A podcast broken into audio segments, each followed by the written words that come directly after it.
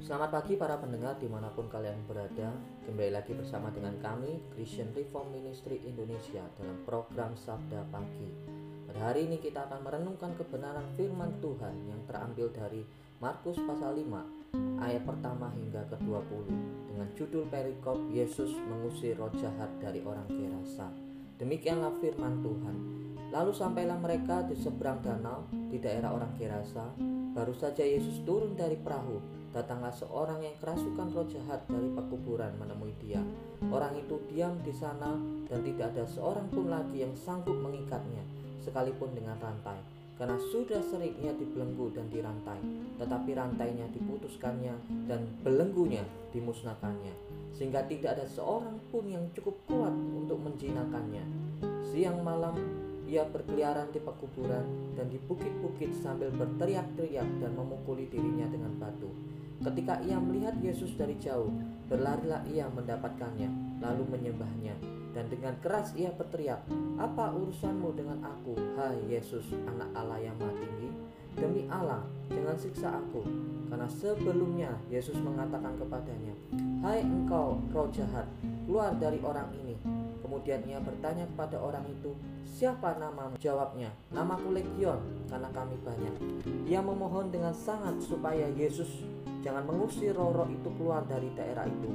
Adalah di sana, di lereng bukit sejumlah besar babi sedang mencari makan. Lalu Roro itu meminta kepadanya, katanya, "Suruhlah kami pindah ke dalam babi-babi itu, biarkanlah kami memasukinya." Yesus mengabulkan permintaan mereka, lalu keluarlah roh-roh jahat itu dan memasuki babi-babi itu. Kawanan babi yang kira-kira 2000 jumlahnya itu terjun dari tepi jurang ke dalam danau dan mati lemas di dalamnya. Maka larilah penjaga-penjaga babi itu dan menceritakan hal itu di kota dan di kampung-kampung sekitarnya. Lalu keluarlah orang untuk melihat apa yang terjadi. Mereka datang kepada Yesus dan melihat orang yang kerasukan itu duduk, sudah berpakaian dan sudah waras.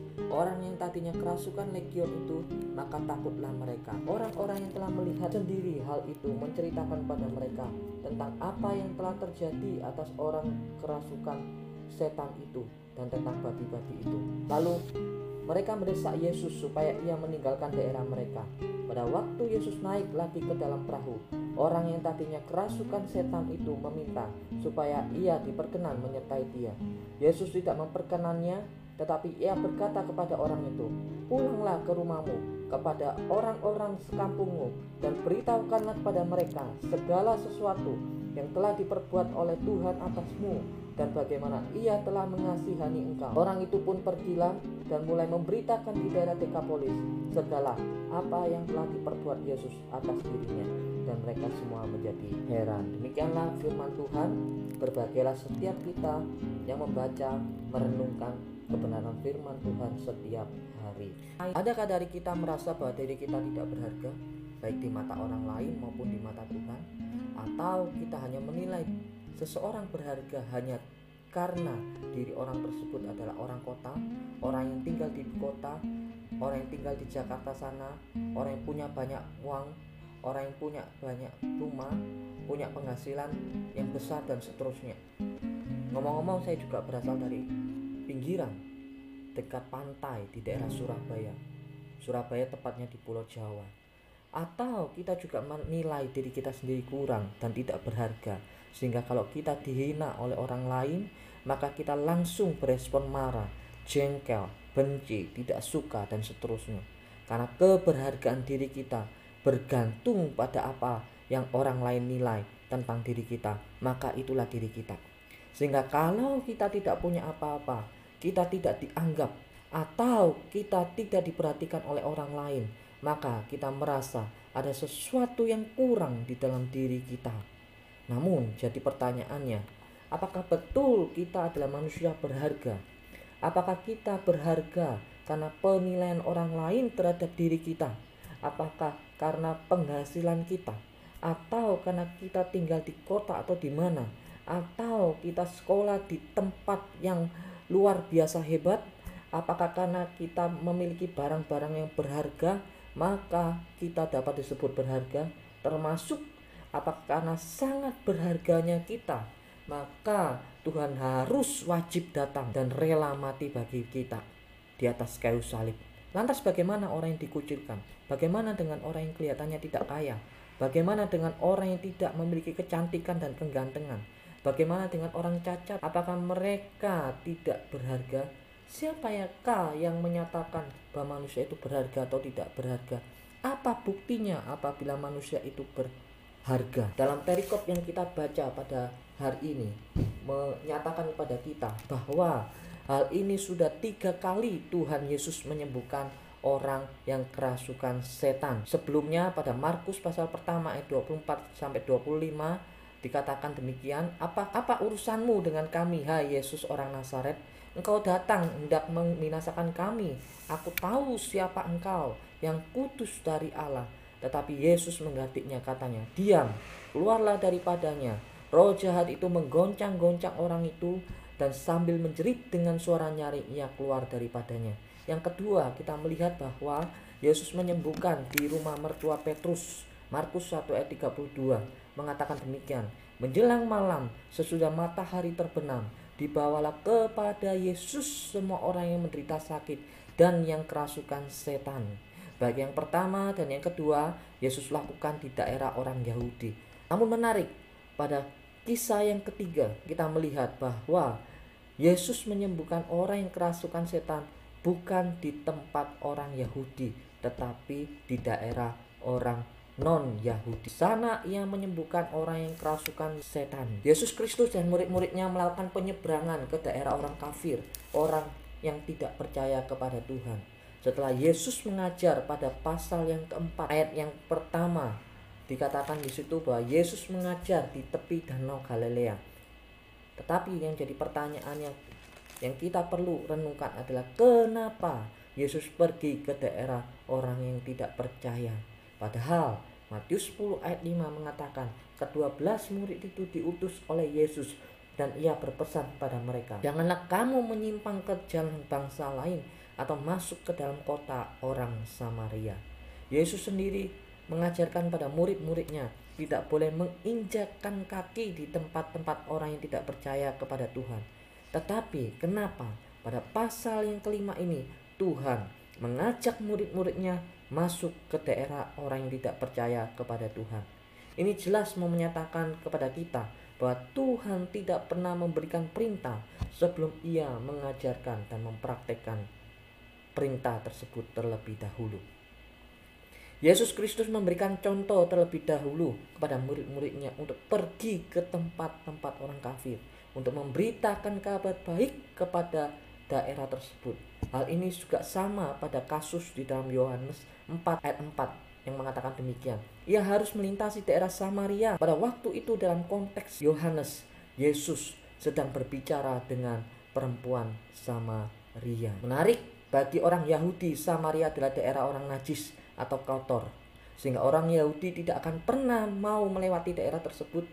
Tetapi kita melihat dalam Yohanes pula dikatakan Tuhan Yesus dengan sengaja melewati tempat tersebut sebab ada misi Yesus Kristus untuk melewati daerah Samaria termasuk ketika Yesus menyeberang ke daerah Gerasa yang kita baca pada hari ini.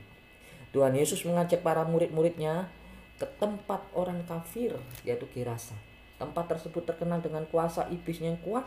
Yesus dan para muridnya berangkat dan menyeberang ke tempat tersebut. Tetapi iblis tidak suka akan kehadiran Tuhan Yesus Kristus yang memiliki kuasa lebih besar dari iblis.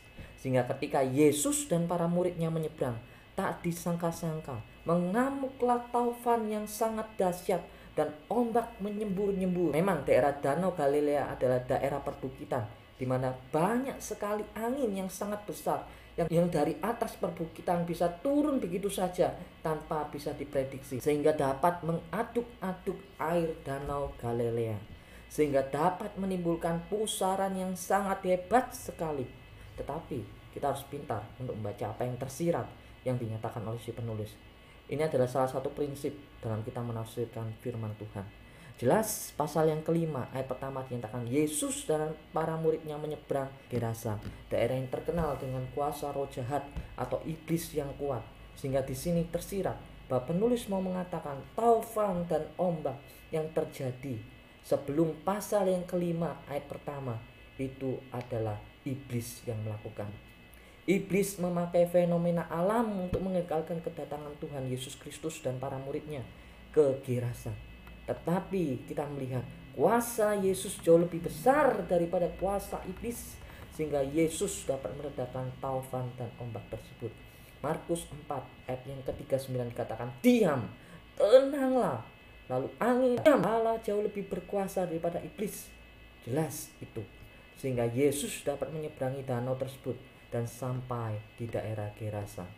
Daerah Gerasa adalah daerah yang tidak terlalu jauh, kira-kira 5 sampai 6 mil. Jadi kira-kira 15 sampai 16 km jauhnya.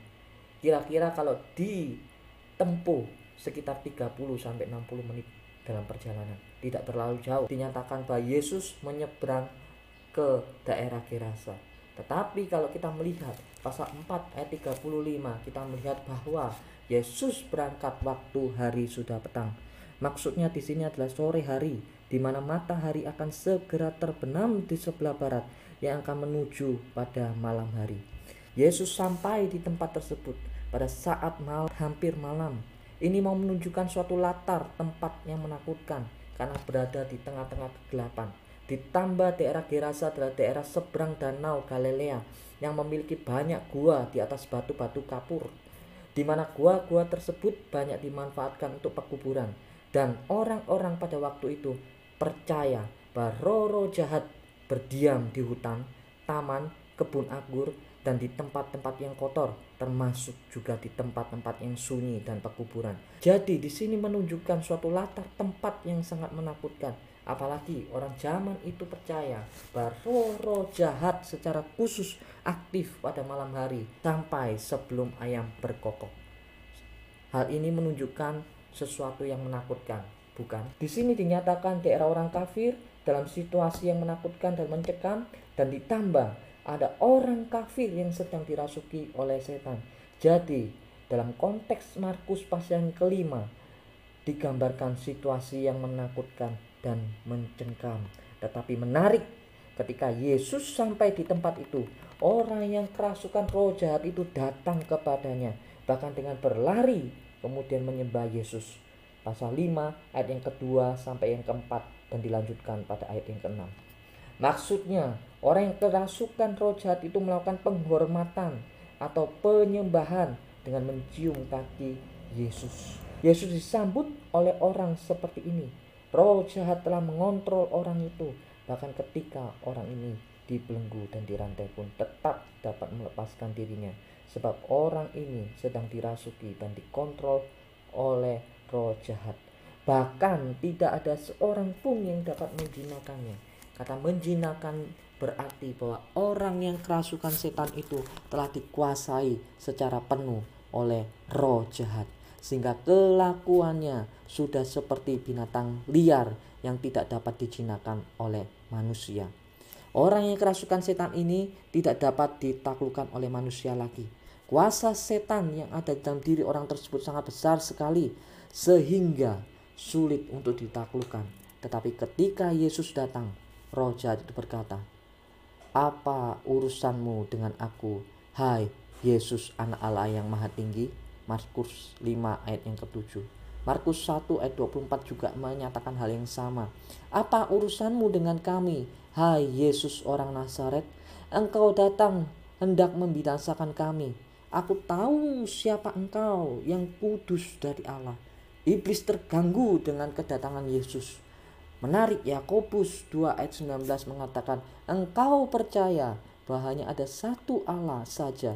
Itu baik tetapi setan-setan pun juga percaya akan hal itu dan mereka gemetar. Kalau ada orang yang tidak percaya ada Tuhan, itu miris sekali. Sebab iblis saja percaya dan mereka gemetar. Mereka gemetar dan iblis takut bahwa Tuhan akan segera menghukum mereka. Engkau datang hendak membinasakan kami. Itulah yang ditekankan oleh Markus pasal yang kelima. Iblis tahu bahwa mereka nantinya juga akan dibinasakan oleh Tuhan. Mereka akan dihukum di dalam neraka. Iblis mengatakan pada Yesus, "Apakah yang kau inginkan dari kami? Engkau mau mau berbuat apa dengan kami di sini? Jangan ganggu kami di sini. Cepat segera keluar dari tempat ini. Jangan ganggu kami lagi. Bahkan iblis mendesak Yesus untuk bersumpah supaya Yesus tidak menyiksa mereka. Demi Allah, jangan siksa aku. Iblis mengatakan demikian karena sebelumnya Tuhan Yesus memerintahkan, "Hai engkau roh jahat, keluar dari orang ini." Di sini kita bisa melihat bahwa ada misi Tuhan datang ke tempat tersebut untuk menyelamatkan dan menyembuhkan orang yang kerasukan setan. Manusia berharga bukan karena keberhargaan yang ada di dalam diri kita sendiri. Misalnya prestasi, kekayaan, kecantikan, kegantengan, penghasilan besar, tinggal di di kota besar, punya HP yang bagus, punya rumah yang bagus dan lain sebagainya. Bukan hal tersebut, tetapi kita berharga karena Tuhan yang menjadikan kita berharga. Yusuf Adinarta, rektor dari STTRI pernah mengatakan demikian. Yang yang bernilai bukan diri kita sendiri, tetapi Kristus yang membuat diri kita bernilai dan berharga. Jadi jangan salah mengerti bahwa menganggap bahwa kita begitu berharga sehingga Allah harus datang ke dalam dunia untuk menebus dan menyelamatkan kita. Jelas ini salah. Siapakah kita? Roma 3 ayat 23 mengatakan karena semua orang telah berbuat dosa dan telah kehilangan kemuliaan Allah. Roma 3 ayat 11 sampai 18 mengatakan tidak ada seorang pun yang berakal budi, tidak ada seorang pun yang mencari Allah. Semua orang telah menyeleweng, mereka semua tidak berguna, tidak ada yang berbuat baik, seorang pun tidak.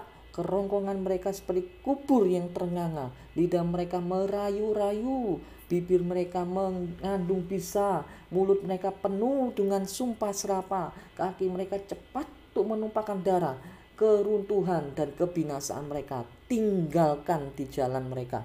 Dan jalan damai tidak mereka kenal. Rasa takut pada Allah tidak ada pada orang itu. Jelas Alkitab menyatakan kita adalah manusia berdosa. Tuhan tidak butuh kita Jangan berpikir karena Tuhan perlu mendapatkan kasih dari kita, maka Allah terlebih dulu mengasihi kita dengan cara mengirim anaknya yang tunggal untuk mati di atas kayu salib bagi kita. Ini jelas keliru. Tuhan tidak butuh kasih kita.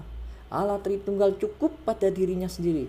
Allah Bapa mengasihi Allah Anak, Allah Anak mengasihi Allah Bapa, Allah Bapa dan Allah Anak mengasihi Allah Roh Kudus, Allah Roh Kudus juga mengasihi Allah Bapa dan Allah Anak.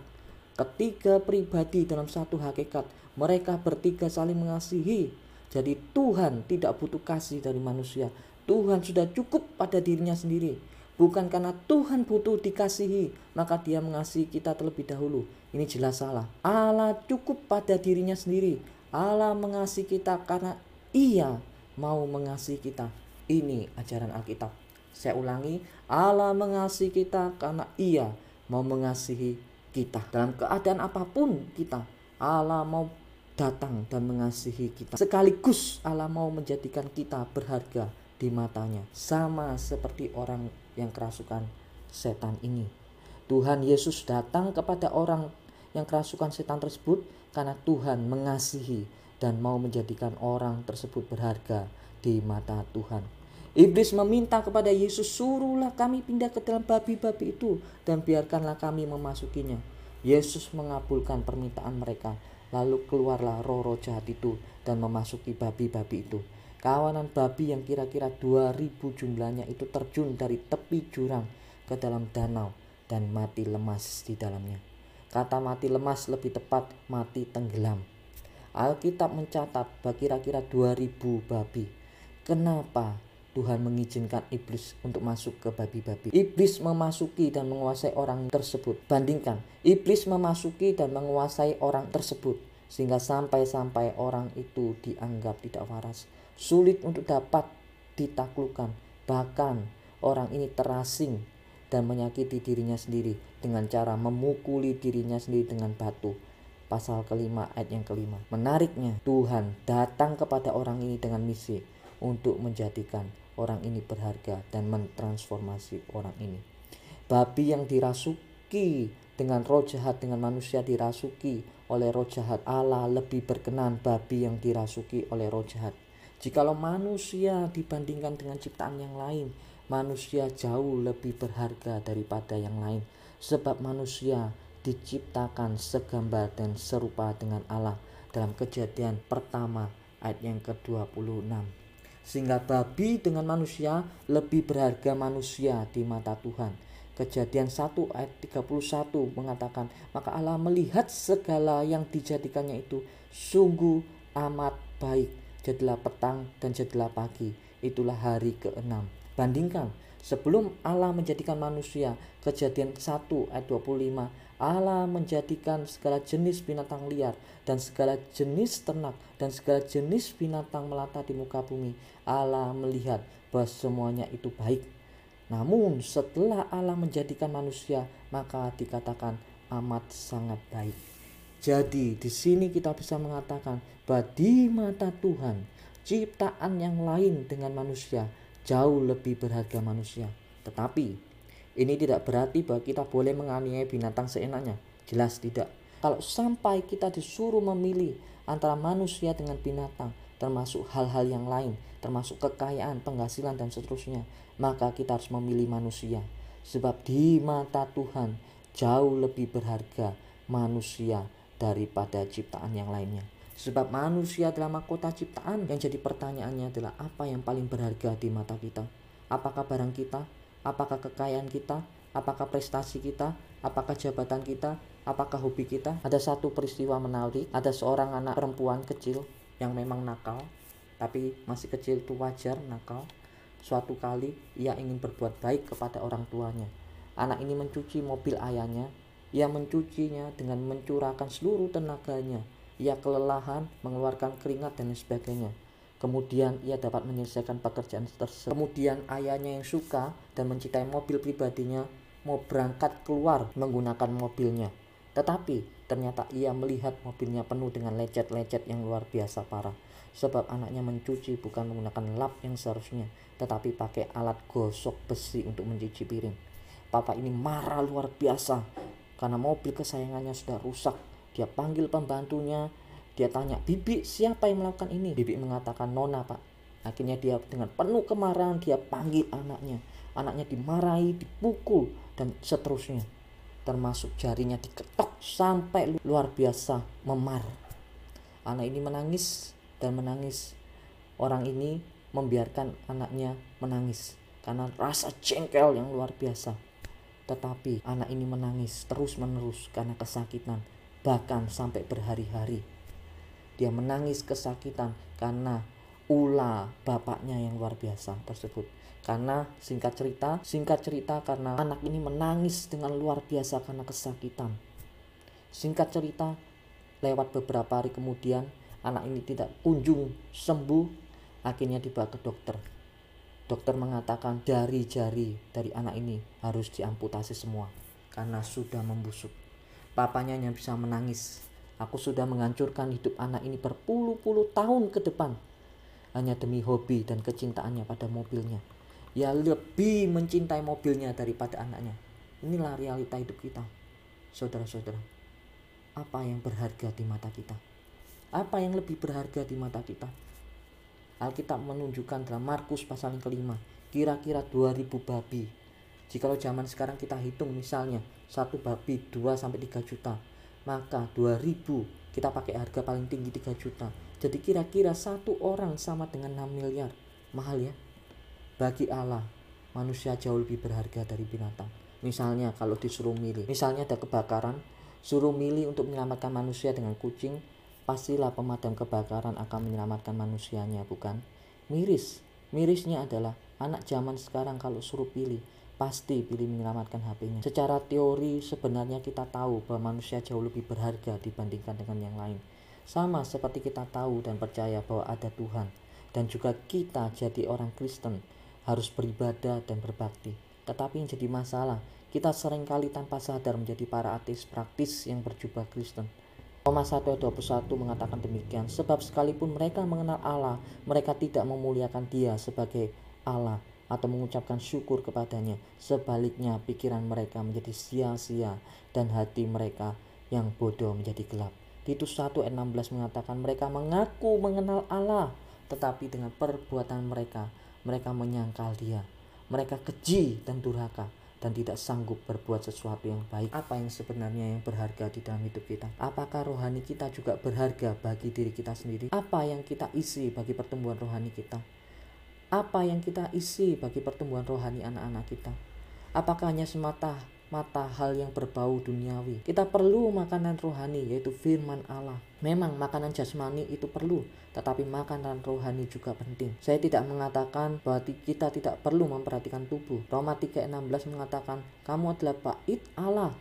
1 Korintus 6 ayat 13 mengatakan, "Tetapi tubuh bukanlah untuk percabulan, melainkan untuk Tuhan." Jelas, jasmani kita harus kita jaga dan rawat dan tubuh juga bukan dipergunakan untuk berbuat dosa tetapi jasmani ini kita pakai untuk melakukan kehendak dan apa yang diperkenan oleh Tuhan. Yohanes 3 ayat 16. Apa yang dilahirkan dari daging adalah daging dan apa yang dilahirkan dari roh adalah roh.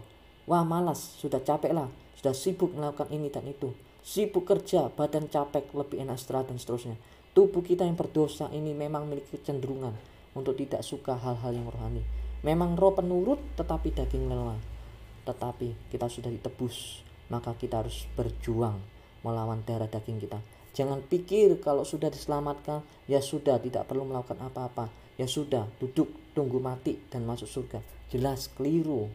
Filipi 2 12 mengingatkan pada kita hai saudara-saudaraku yang kasih kamu senantiasa taat karena itu tetaplah kerjakan keselamatanmu dengan takut dan gentar. Bukan saja seperti waktu aku masih hadir, tetapi terlebih pula sekarang waktu aku tidak hadir. Ini jelas Tuhan menuntut kita. Setelah Tuhan selamatkan kita, Tuhan tuntut kita makin mengenal dia secara pribadi dan melakukan kehendaknya di dalam dunia. Matius 6 ayat 9 sampai 10 mengatakan, "Karena itu berdoalah demikian, Bapa kami yang di surga, dikuduskanlah namamu, datanglah kerajaanmu, jadilah kehendakmu di bumi seperti di sorga.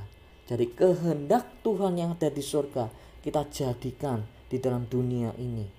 1 Korintus 10 ayat 31 mengatakan, Aku menjawab jika engkau makan atau jika engkau minum atau jika engkau melakukan sesuatu yang lain, lakukanlah semuanya itu untuk kemuliaan Allah. Sehingga jelas tubuhlah yang melayani jiwa, bukan jiwa yang melayani tubuh. Ada salah satu penulis mengatakan bukan karena kita tidak punya waktu, tetapi apakah kita mau menyediakan waktu.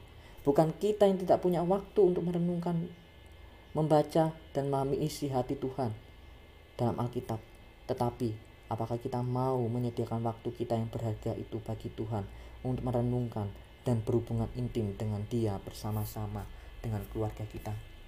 Efesus 5 ayat 16 dan pergunakanlah waktu yang ada karena hari-hari ini adalah jahat Waktu jikalau sudah terbuang, maka tidak bisa kembali lagi. Yakobus 4 ayat 14 mengatakan hidupmu itu sama seperti uap yang sebentar saja kelihatan lalu lenyap. Apakah kita sudah memberikan makan rohani bagi anak-anak kita? Kalau kita merasa, kalau kita sadar bahwa kita sudah dijadikan berharga oleh Allah, padahal kita adalah manusia berdosa yang sudah diselamatkan, padahal kita manusia berdosa, tetapi karena anugerah Tuhan dan kasihnya. Kita yang berdosa telah dijadikan berharga di mata dia. Kita yang berdosa kita yang tidak layak kita yang tidak berharga sebenarnya telah dijadikan berharga oleh Yesus Kristus melalui karyanya di atas kayu salib. Sehingga kita perlu mengisi hari-hari kita untuk mempertumbuhkan iman kita di dalam dia. Bilangan 6 ayat 7 mengatakan haruslah engkau mengajarkannya berulang-ulang kepada anak-anakmu dan membicarakannya apabila engkau duduk di rumah, apabila engkau sedang dalam perjalanan, apabila engkau berbaring dan apabila engkau bangun. Mengajarkan apa? Firman Tuhan. Tentu yang utama. Dan mengajarkan bagaimana kita harus hidup benar di mata Tuhan. Jadi, jikalau anak kita suatu hari nanti murtad, atau suatu hari nanti anak kita tidak karuan, main judi, seks di luar pernikahan, atau melakukan kejahatan yang luar biasa, itu semua karena kita punya andil. Sebab kita mungkin tidak pernah mengajarkan firman Tuhan kepada anak-anak kita. Mungkin kita tidak pernah mengajarkan bagaimana kita harus hidup benar di mata Tuhan. Mungkin kita juga tidak pernah membawa anak-anak kita di dalam doa-doa kita kita tidak pernah mengajak anak-anak kita untuk beribadah bersama di rumah kita masing-masing, baik membaca, merenungkan firman Tuhan, dan memuji kasih dan penyertaan Tuhan di dalam hidup kita. Mungkin di rumah hanya bawaannya saling bertengkar satu dengan yang lain sehingga tidak terjadi suatu kondisi yang kondusif. Tetapi kita juga perlu tahu kalau kita sudah mengajarkan kebenaran firman Tuhan tetapi pada akhirnya anak kita murtad itu bukan di dalam kekuasaan kita lagi. Kita sudah mengerjakan dengan baik-baik tetapi hasil akhirnya kita serahkan kepada Tuhan. Namun yang jadi pertanyaannya sekarang, bagi diri kita apa yang berharga di dalam hidup kita? Sudahkah kita sadar bahwa kematian Yesus di atas kayu salib membuat kita yang tak berharga di mata Tuhan dijadikan berharga di matanya? Termasuk anak-anak kita berharga di mata Tuhan. Sehingga saya katakan di, di atas tadi bahwa kita perlu mengajarkan firman Tuhan kepada mereka sebab Tuhan Yesus juga mati bagi anak-anak kita apakah kita merasa bahwa diri kita sudah dibuat berharga di mata Tuhan. Kalau kita tahu bahwa kita dibuat berharga di mata Tuhan, maka kita akan makin mengucapkan syukur yang tiada taranya seperti Bapa yang ada di surga mengirimkan Yesus Kristus. Yesus Kristus yang rela datang ke dalam dunia untuk menebus engkau dan saya mati di atas kayu salib. Kristus berinkarnasi, sengsara di dalam dunia, mati dan turun ke dalam kerajaan maut untuk menggantikan engkau dan saya. Inilah pengampunan yang sejati, jelas menunjukkan bahwa Allah mengampuni kita bukan dengan cara gampang, tetapi Allah mengampuni kita melalui kehadiran Kristus di dalam dunia sebagai korban tebusan bagi banyak orang. Ibrani 9 ayat 22 mengatakan, tanpa penumpahan darah tidak ada pengampunan. Kristus rela datang untuk memberikan pengampunan bagi kita, sehingga kita yang merasa tidak berharga, kita merasa bukan orang yang kaya, kita merasa bahwa saya hidup sebatang kara, atau kita merasa tidak layak di hadapan Tuhan hari ini, ketika mendengarkan firman Tuhan, Tuhan mengasihi engkau dan menjadikan engkau berharga di mata Tuhan. Yohanes 6 ayat 37 mengatakan, Dan barang siapa datang kepadaku, ia tidak akan kubuang. Sama seperti Petrus yang sudah menyangkal Yesus tiga kali. Bahkan bukan hanya menyangkal, tetapi ia mengutuk dan bersumpah bahwa ia tidak mengenal Yesus. Bahkan sebelumnya, pada waktu perjamuan malam terakhir, ia berkata, biarpun yang lain mengingkari iman, tetapi ia tidak. Tetapi kenyataannya, ia gagal. Ia merasa tidak berharga di hadapan manusia dan di hadapan Tuhan. Ia sedih luar biasa, ia menangis luar biasa, tetapi Tuhan datang kepada dia dan berkata, "Simon, apakah kau mengasihi aku lebih dari mereka ini?" Tiga kali Tuhan Yesus bertanya demikian. Di sini Petrus diingatkan, tiga kali ia menyangkal sebelumnya. Tiga kali Tuhan Yesus mengkonfirmasi lagi. Tuhan datang kepada kita, Tuhan mati bagi kita. Tuhan sudah menjadikan kita berharga di mata Dia.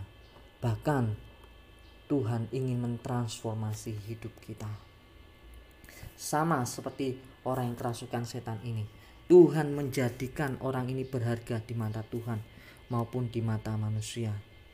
Markus 5 ayat 15 mengatakan, mereka datang kepada Yesus dan melihat orang yang kerasukan itu duduk dan sudah berpakaian dan sudah waras. Orang yang tadinya kerasukan legion itu, maka takutlah mereka. Tuhan menyembuhkan orang yang kerasukan setan tersebut, mentransformasi dan membuat orang ini kembali menjadi manusia seutuhnya. Manusia yang tak berharga dibuat oleh Tuhan berharga, disembuhkan dan ditransformasi oleh Tuhan. Apakah kita merasa diri kita kurang berharga? Bukan penilaian orang lain dan diri kita sendiri yang membuat kita berharga, tetapi Tuhanlah yang menjadikan kita berharga di matanya. Tuhan mengubah kita untuk menjadikan kita agen perubahan bagi Tuhan, untuk menguatkan orang yang lemah, untuk menguatkan orang yang merasa dirinya tidak layak, untuk membawa orang yang merasa tidak berharga untuk datang kepada Tuhan, untuk boleh dijadikan berharga di hadapan Tuhan. Maukah kita menjadi agen Tuhan? Mengubahkan dan memulihkan orang-orang yang merasa tidak layak, tidak berharga, berbeban berat dan seterusnya. Maukah kita membawa mereka kepada Kristus untuk dijadikan berharga di mata Tuhan? Mulailah dari orang-orang yang ada di sekitar kita. Masih banyak di luar sana yang belum percaya kepada Tuhan. Maukah kita membawa mereka yang belum percaya, yang merasa dirinya tidak berharga untuk datang kepada Tuhan, supaya mereka dijadikan berharga oleh Tuhan kita. Segala kemuliaan bagi nama Tuhan. Amin.